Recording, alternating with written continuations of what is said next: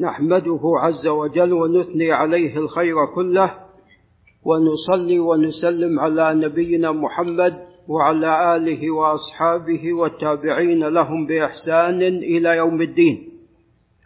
أما بعد فقال الإمام أبو عيسى الترمذي رحمه الله تعالى في كتابه الجامع باب في وصيته صلى الله عليه وسلم في القتال.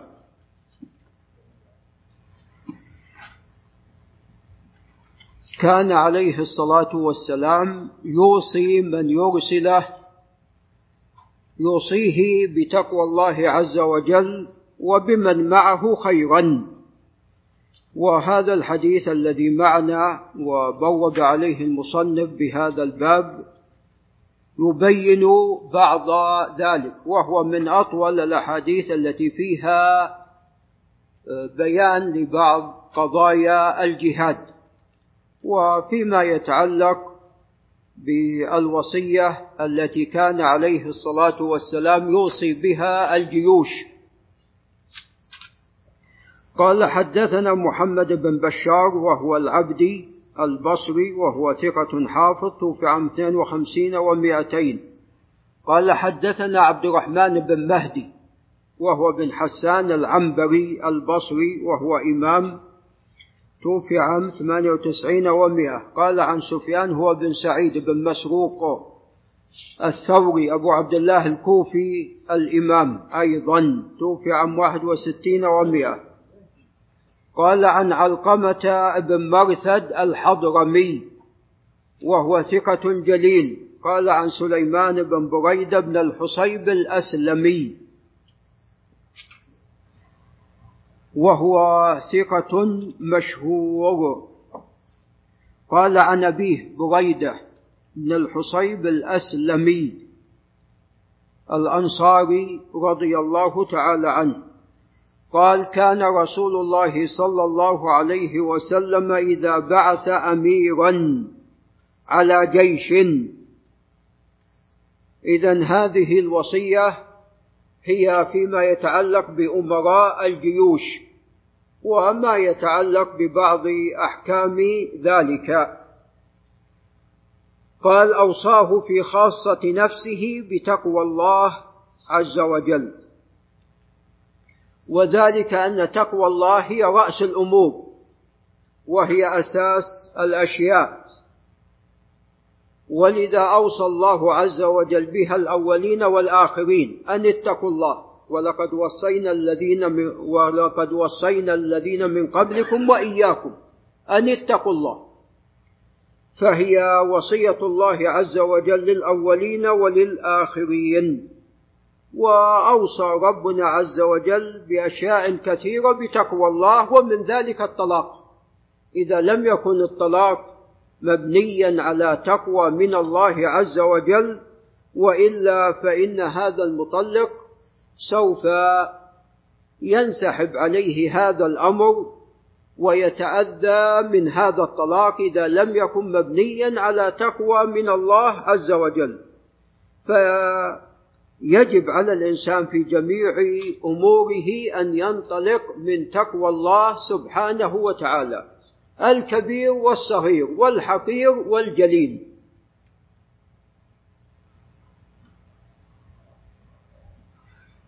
قال ومن معه من المسلمين خيرا طبعا التقوى هو أن تعمل بطاعة الله عز وجل وذلك بأن تتبع أوامره وتجتنب نواهيه. فتتقي معصية الله وغضب الله وسخط الله بطاعته. قال ومن معه حمك الله من المسلمين خيرا. فيوصيه بمن معه من الجند خيرا أن يحسن إليهم. فالخير كلمة جامعة كل ما فيه خير لهم فعليك أن تفعله وكل ما فيه مصلحة لهم فعليك أن تقوم به. وقال اغزوا بسم الله. هنا الوصية جامعة الامير ولمن كان تحت قيادته وتحت إمرته. اغزوا هنا خطاب للجميع. اغزوا بسم الله. أي غزوكم ليكن في سبيل الله. وبالاستعانة بالله عز وجل. وليس في سبيل الشيطان. وذلك فيما يتعلق بأمور الدنيا وما شابه ذلك أو قصد الفساد في الأرض. أو نحو ذلك لا. وإنما في سبيل الله. بسم الله. اغزوا بسم الله وفي سبيل الله. اغزوا مستعينين بالله وفي سبيله. قاتلوا من كفر بالله. اذا الذي يقاتل هو الكافر. قاتلوا المشركين كافة كما يقاتلونكم كافة. نعم. اذا القتال لا يكون للمسلم وإنما يكون للكافر. وإنما يقاتل المسلم عندما يبغي فإن بغت إحداهما على الأخرى فقاتلوا. قاتلوا من؟ التي تبغي حتى تفيء إلى أمر الله. فاذا القتال لا يكون للمسلمين إلا إذا حصل هناك بغي. وحصل هناك خروج على الخليفة الشرعي وعلى الحاكم الشرعي. فهنا إن كان لهؤلاء الخارجين شبهة ينبغي أن تكشف هذه الشبهة. وإلا فإنهم يقاتلون. نعم ففي حال البغي والخروج من البغي أي الظلم والتعدي فهنا يقاتلون وإلا الأصل فإن القتال للكافر وليس للمسلم. قال ولا تغلوا والغلول هو الأخذ من الغنيمة قبل قسمتها وهو كبير من كبائر الذنوب ومن يغلل يأتي بما غل يوم القيامة. ولا تغدروا فالغدر أيضا حرام ولا يجوز. نعم. فإذا اتفقوا مع الكفار على شيء وعقدوا معاهدة مع الكفار فالواجب عليهم أن يفوا بما اجتمعوا أو عفوا ما اتفقوا عليه. فالغدر حرام ولا يجوز. وليس من الغدر الخدعة في الحرب. فالخدعة في الحرب شيء والغدر شيء آخر. الغدر هو أن يحصل اتفاق وينقضون هذا الاتفاق ويغدرون بمن اتفقوا معهم. قال ولا تمثلوا. فهذا فيه النهي عن التمثيل. وهذا والله أعلم ابتداء. التمثيل بالكفار ابتداء هذا لا يجوز. نعم. إلا إذا كان على سبيل ماذا؟ المقابلة. إلا إذا كان على سبيل المقابلة. ولذا اليهودي الذي رض الجارية بين حجرين أمر عليه الصلاة والسلام أن يرض بين ماذا؟ بين حجرين كما فعل. والذين العرنيون الذين ارتدوا وسرقوا الإبل استاقوا الإبل وسرقوها وقتلوا الراعي سمل أعينهم عليه الصلاة والسلام وقطع أيديهم وأرجلهم من خلاف ورماهم في الحوة نعم فالتمثيل لا يجوز إلا على سبيل المقابلة. وإن عاقبتم فعاقبوا بمثل ما عوقبتم به. نعم. قال ولا تقتلوا وليدا فالوليد لا يقتل. كما أن المرأة أيضا لا تقتل. كما أن الشخص الذي لا يقاتل وقد اعتزل القتال فهذا أيضا ماذا؟ لا يقتل. هذا أيضا لا يقتل. اللهم إلا إذا كان له رأي. ويدبر هؤلاء برأيه.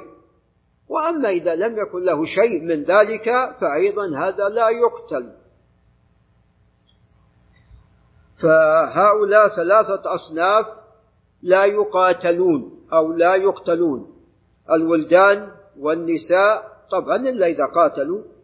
ومن لم يقاتل واعتزل القتال فإنه أيضا لا يقتل.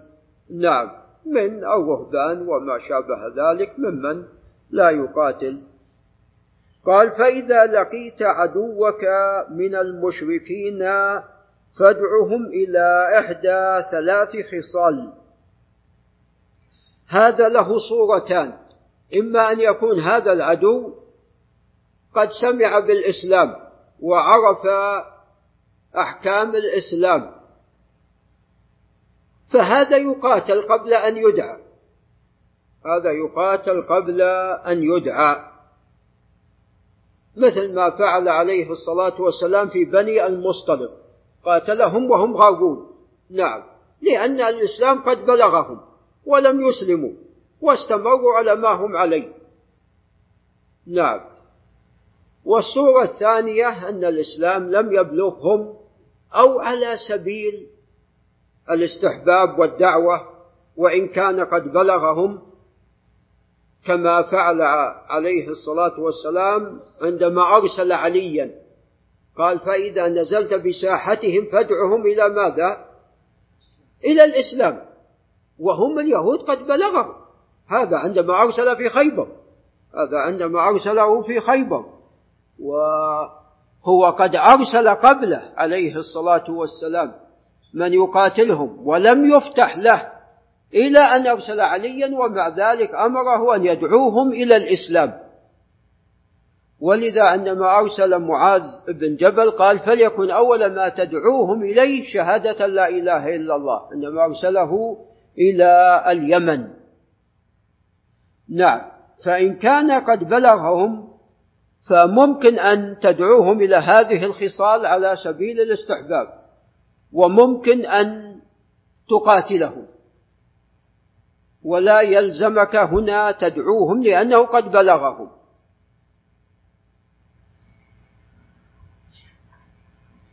قال فادعهم إلى إحدى ثلاث خصال أو خلال أيته أيتها. أجابوك فاقبل منهم وكف عنهم. إذا القتال ليس مقصودا لذاته وإنما مقصود لأي شيء. لغيره. ولذا صرح بعض أهل العلم قال إذا كان هؤلاء الكفار قد فتحوا مجال الدعوة. قد فتحوا مجال الدعوة وتركوك تدعوهم فهنا لا تقاتلهم. ادعهم لأن مجال الدعوة ماذا؟ مفتوح لك. نعم فالقتال ليس مقصودا لذاته. وإنما مقصودا لغيره وهو حتى تكون كلمة الله هي العليا. قال ادعهم هذه الخصلة الأولى ادعوهم إلى الإسلام. فإذا أسلموا فهذا هو المقصود. والتحول من دارهم إلى دار المهاجرين. إذا هذا كان قبل فتح ماذا؟ قبل فتح مكة. هذا قبل فتح مكة لأنه لا هجرة بعد الفتح. لكن بقيت هجرة باقية. طبعا لا هجرة بعد الفتح هي الهجرة إلى المدينة. لكن بقيت هجرة باقية وهي الهجرة من بلاد الكفار إلى بلاد الإسلام. وهذا يكون في الأفراد. وأما يعني أو اللي أعدادهم قليلة وأما إذا كانت دولة كاملة وقبيلة كاملة فهؤلاء يملكون أمرهم وهم المتأمرون في بلادهم. نعم فهذه بلادهم فعندما يسلمون تكون من بلاد ماذا؟ من بلاد الإسلام. قال وأخبرهم أنهم إن فعلوا ذلك فإن لهم ما للمهاجرين وعليهم ما على المهاجرين. نعم. فلهم ما للمهاجرين وعليهم ما على المهاجرين. لهم ما للمهاجرين من الفيء. نعم. وعليهم ما على المهاجرين من نصرة الدين والخروج في سبيل الله. نعم. وما شابه ذلك. قال وإن أبوا أن يتحولوا فأخبرهم أنهم يكونون كأعراب المسلمين. الآن هم قد أسلموا. الآن هم قد أسلموا. فدعاهم إلى التحول. فإذا لم يتحولوا قال فأخبرهم أنهم يكونون كأعراب المسلمين يجري عليهم ما يجري على الأعراب ليس لهم في الغنيمة والفيء شيء. نعم لأنهم لم يتحولوا إلى دار الإسلام فيكونوا مع المسلمين في الدفاع عن من؟ عن الإسلام. قال إلا أن يجاهدوا. فإذا جاهدوا لا شك لهم نصيب في الغنيمة بل أربعة أخماس الغنيمة للمجاهدين للمقاتلين. قال فإن أبوا فاستعن بالله عليهم وقاتلهم. إذا أبوا الإسلام هذا الأول. الأمر الثاني يطلب منهم أن يدفعوا ماذا؟ الجزية. فإن أبوا الجزية فلم يبقى إلا ماذا؟ إلا القتال. لم يبقى إلا القتال هذه هي الخصال الثلاث.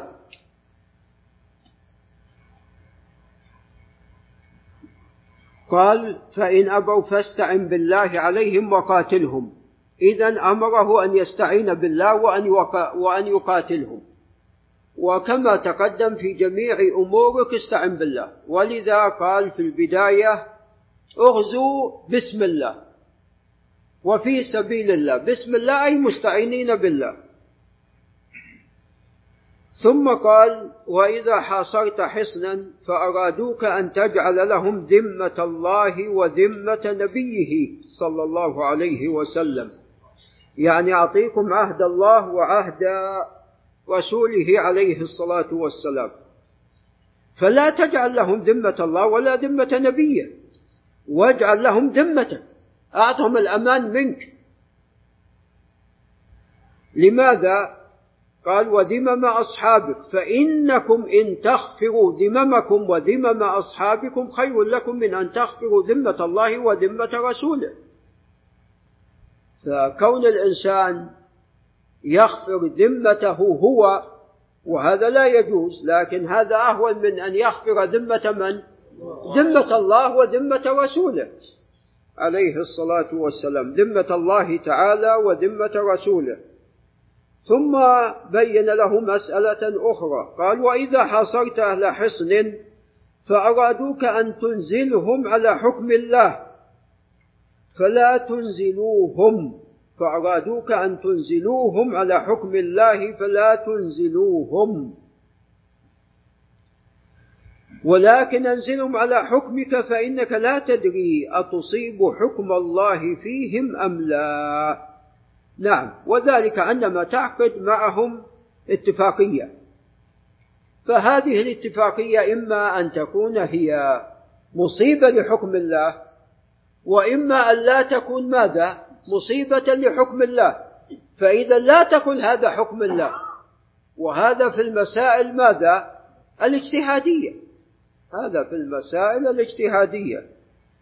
لأنه قال لا تدري أتصيب حكم الله فيهم أم لا. هل أنت أصبت حكم الله في ذلك ولا لم تصبه؟ إذا لا تقل هذا حكم الله. قال أو نحو ذا. وهذا إسناد صحيح. ولذا قال أبو عيسى وحديث بريدة حديث حسن صحيح. وقد خرجه مسلم وأصحاب السنن بقية أصحاب السنن. وقد سلف مختصرا ولكن هنا مطول. قال حدثنا محمد بن بشار العبدي قال حدثنا أبو أحمد. وهو الزبيري محمد بن عبد الله بن الزبير. أبو أحمد الزبيري وهو ثقة توفي عام ثلاثة ومائتين نعم وفي حديثه عن سفيان بعض الشيء وهو مقدم فيه. قال حدثنا سفيان الثوري عن علقمة بن مرثد نحوه بمعناه. وزاد فيه فإن أبوا فخذ منهم الجزية فإن أبوا فاستعن بالله عليهم. فإذا الجزية هي الخصلة الثانية والثالثة هي ماذا؟ هي القتال.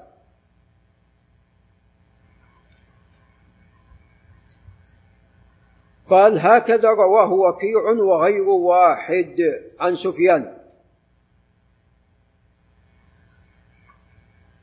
فاجتماع سفيان وبأحمد الزبيري بالإضافة إلى كونه قد جاء من وجه آخر.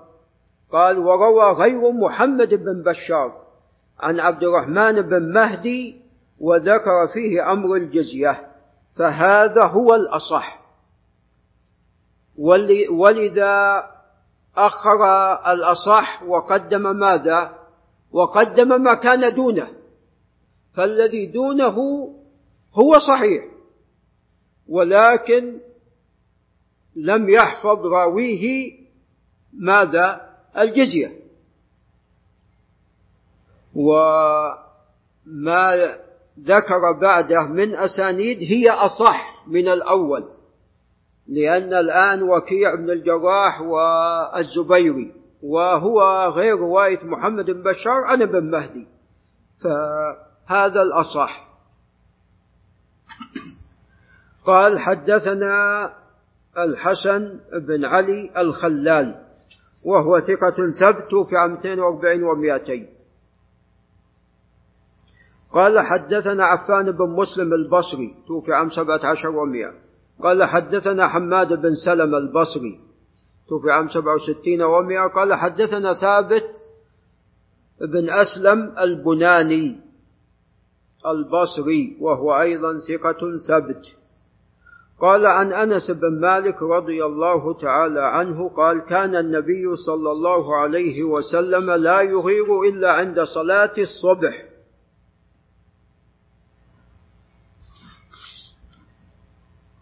لا يغير إلا عند صلاة الفجر. فإن يعني عند صلاة الفجر هذا الاستعداد والتاهب فإن سمع أذانا أمسك. وإلا أغار. وهذه الإغارة تكون بعد ماذا؟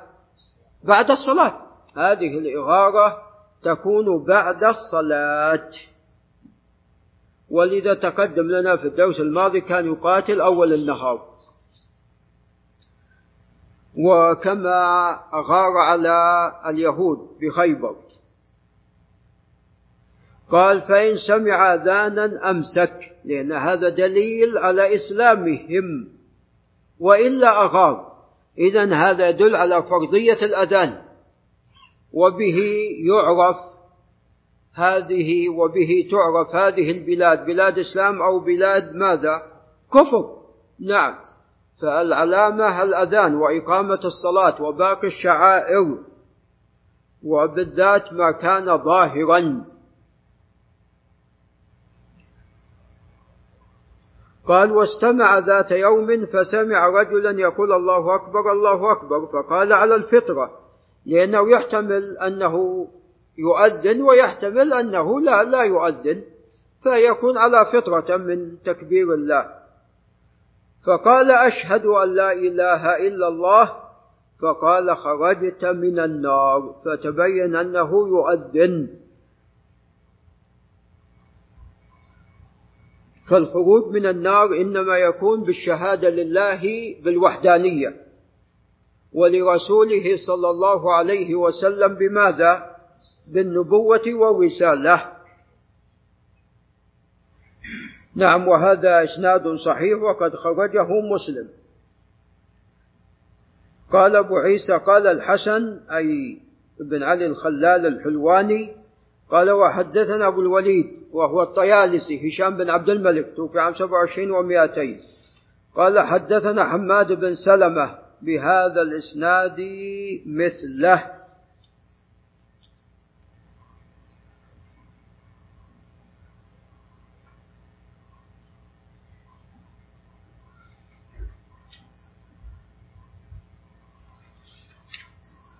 طبعا هنا تأخيره لطريق أبي الوليد خلاف عادته. وذلك أن الطريق الأولى أصح. فعفان في حماد بن سلمة أثبت من أبي الوليد الطيالسي هشام بن عبد الملك. هو في حماد بن سلمة أثبت. والعادة يقدم الشيء الذي فيه علة أو ضعف أو على الأقل صحيح ثم يذكر ما هو أصح. قال وهذا حديث حسن صحيح. ولعله نقف عند هنا. نعم.